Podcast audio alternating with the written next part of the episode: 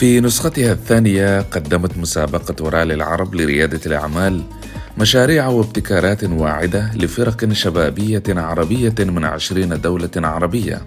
وتهدف مسابقة رالي العرب إلى تنمية روح الابتكار والريادة لدى الشباب العربي.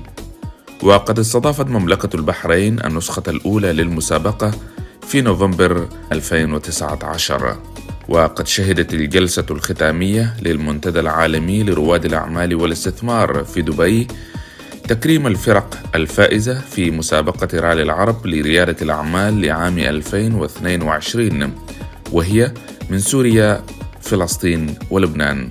أخبار الأمم المتحدة التقت بعدد من المشاركين في رالي العرب وتعرفت على مشاريعهم ومبادراتهم.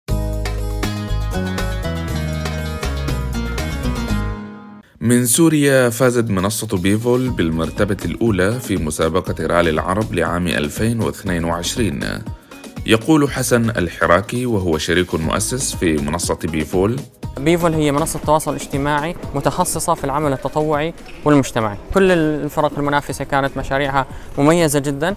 بفضل الله مشروعنا له علاقة بالعمل التطوعي له علاقة بالسوشيال ميديا ومرتبط أيضا بأهداف التنمية المستدامة. وإن شاء الله الفوز الأكبر هو بمساعدة المزيد من المتطوعين مساعدة المزيد من المؤسسات لحتى نربطهم مع بعض ونحقق أهداف التنمية المستدامة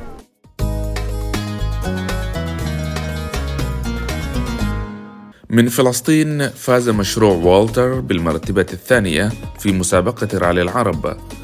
وقال عبد الفتاح شحادة وهو مؤسس مشارك في المشروع كنت راهن إني حفوز بس هلأ اتأكدت إنه فزت جبت المركز الثاني مع حبايبنا اللبنانية ومع كمان السوريين. حتلاحظوا إنه يا maybe إنه مرات لما يكون في conflict ببلدك أو لما يكون الوضع عندك أصعب يمكن بدفعك إنه تشد حالك أكثر من الثانيين so it's not about fund or مين عنده فلوس أكثر ولا مين عنده سوق أكبر. It's about قديش أنت ممكن تكون consistent لل idea تبعتك وتشتغل عليها. إحنا شغالين ب water up to أربع سنين. so, الشغل الزيادة والاستمرارية هو دائما اللي بيخليك تكون in the best إحنا بنشتغل بال water treatment system بنصنع أنظمة like قطعة ليجو. بال water treatment system ما بتحتاج بنية تحتية ما بتحتاج مساحة كبيرة سعرها رخيص. وأهم شيء بتيجي زي قطعة الليجو تحت ال sink فبتقلل من استهلاك البيت أو المنشأة بنسبة 40% سعرها رخيص affordable وحاليا إحنا بنصنعها بفلسطين بالورشة الخاصة فينا. واجينا على الإمارات عشان ننقل شغلنا من فلسطين للإمارات.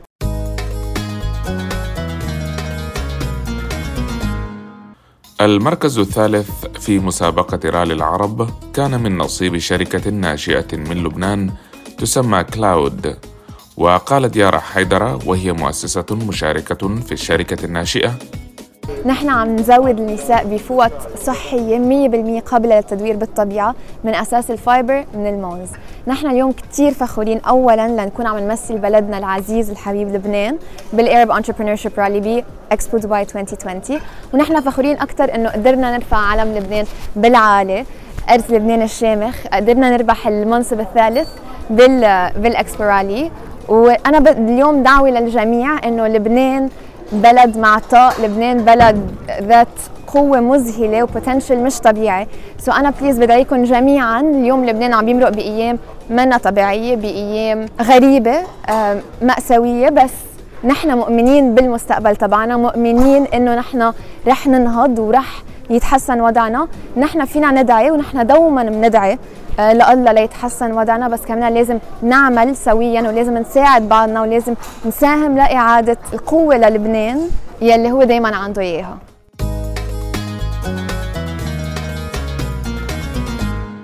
من تونس فازت الطالبة إيلا زلفاني التي تدرس الهندسة الإلكترونية في كلية العلوم بجائزة تقديرية في مسابقة رالي العرب عن مشروعها نيوبيونكس.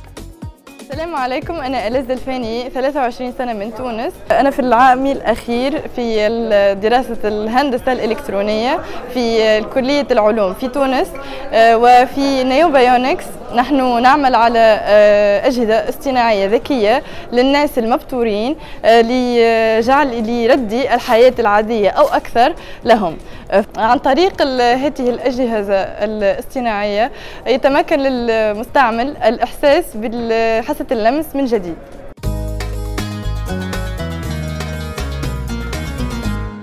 مشروع سي 1 جرين من قطر فاز بجائزة تقديرية أيضا. ويقول قاسم إبراهيم أحد مؤسسي المشروع. أنا اسمي قاسم آه، ممثل آه، فريق C1 Green من قطر. آه، إحنا هنا في إكسبو تبع ال Arab Rally competition لريادة الأعمال. فريقنا طور تكنولوجيا بتحول ثاني اكسيد الكربون لمواد أخرى مستدامة. فحاليا يعني إحنا بنحاول نعمل scale up أو نطور ال capacity حق التكنولوجيا حقتنا. ال research حقنا ممول عن طريق ال Qatar National Research Foundation يقول إسماعيل ليث قائد فريق بيرسيفرنس من العراق إن فكرة مشروعهم تتمحور حول إنشاء محطة متنقلة لقياس تلوث الهواء. آه، فكرة مشروعنا هو إنشاء آه، محطة متنقلة لقياس التلوث تلوث الهواء. تقدر تقيس بمختلف الأماكن والارتفاعات. ليش سويناها؟ سويناها لأن أغلب الحكومات حاليا قاعد تستخدم محطات ثابتة. هاي المحطات الثابتة تقيس مكان واحد وارتفاع واحد. مثل ما تدرون إنه تلوث الهواء هو ما مقتصر على ارتفاع واحد. فاكيد هاي القراءات تنطيها غير دقيقة. وأيضا إذا وجد تلوث مكان آخر الحكومة راح تحتاج تدفع فلوس أكثر حتى تنصب محطة ثابتة بذاك المكان. فإحنا فكرتنا راح توفر كوست آه، لأن تقدر تستخدمها بأي مكان. وكذلك تعطي قراءات أدق لأن نقدر نستخدمها بمختلف ارتفاعات وهي مو مجرد قياس أيضا ضفنا عليها خاصية ال tracking بحيث تتبع مستوى التلوث لحد ما تلقي مصدره. وأيضا تأخذ sample آه، عينه من التلوث حتى نفحصها مختبريا لاحقا. وأخيرا البيانات اللي تجمعها المحطة المتنقلة اللي هي آه، عبارة عن درون اللي تجمعها راح تدخل على machine learning algorithm من خلالها راح نحصل على آه، نظرة مستقبلية أو future prediction على ال air pollution situation بالمنطقة اللي قاعد تقيس فيها هاي المحطة المتنقلة. من موريتانيا يدير حماد ولد حماد مشروعا متخصصا في صناعة الأكواب الورقية كبديل للأكواب البلاستيكية. ريم كاب هي عبارة عن شركة تعنى بصناعة الأكواب الورقية كبديل للأكواب البلاستيكية لأنه آه، في السنوات الأخيرة بعد دراسات أثبتت أن الأكواب البلاستيكية تحتوي على مخلفات ومضاعفات مسرطنة وكذلك أيضا ملوثة للبيئة بالتالي نحن نسعى من خلال هذا المشروع إلى تقديم بديل للاكواب البلاستيكيه وهو الاكواب الورقية. اولا لأنها صديقة للبيئة ومن ثم لأنها لا تحتوي على أي مضاعفات آه، غير صحية. بالتالي نقدم هذا المشروع من أجل تغطية السوق الموريتاني بمختلف حاجاته من الأكواب الورقية. في البلد لا يوجد مصانع تنتج هذا النوع من الأكواب ونحن نعتمد على استيراده من الدول الأخرى بالتالي نحن نحتاجه آه، يوميا في الاستهلاك اليومي.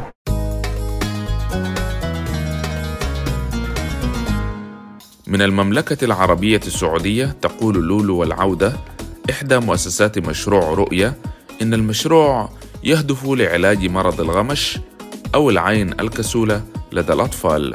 إحنا طالبات من المملكة العربية السعودية من جامعة الملك سعود. اسم مشروعنا هو رؤية.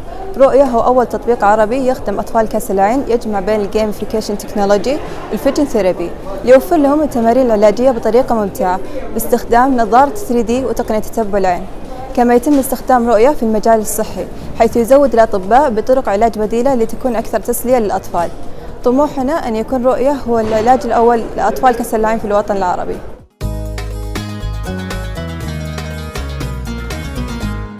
أما من السودان فيقدم لنا الشاب عبد الله محمد عثمان سعيد مشروع دي جيفس عبد الله محمد من السودان ممثل لتيم السودان في مسابقة رائل العرب لريادة الأعمال. الفكرة بتاعتنا هي بنوفر حلول بتاعت بيانات وزي customer engagement platform للمطاعم والكافيهات. يعني كانت experience مختلفة شديد وكانت حاجة ضبط شديد. كونك تلاقي ناس من backgrounds مختلفة وكده.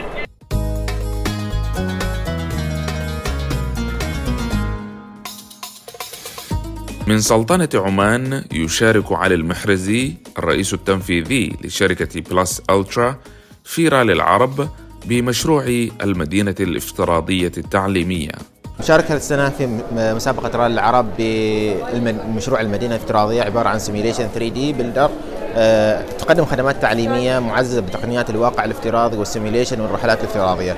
طبعا نضيف لمسة جمالية ترفيهية إلى الجانب التعليمي و ونفس الشيء إنها تكون متاحة أو تكون تجمع لمختلف الدول العربية يكون مكان مناسب للجميع.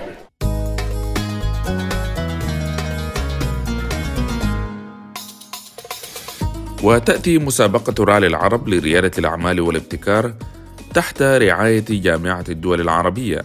أما الجهات المنظمة للمسابقة فهي مكتب الترويج الاستثمار والتكنولوجيا التابع لمنظمة الأمم المتحدة للتنمية الصناعية اليونيدو في البحرين واتحاد الغرف العربية والأكاديمية العربية للعلوم والتكنولوجيا والنقل البحري وغرفة تجارة البحرين واتحاد غرف التجارة والصناعة بدولة الإمارات العربية المتحدة وبدعم من شركة فاليو والبنك الأهلي المصري.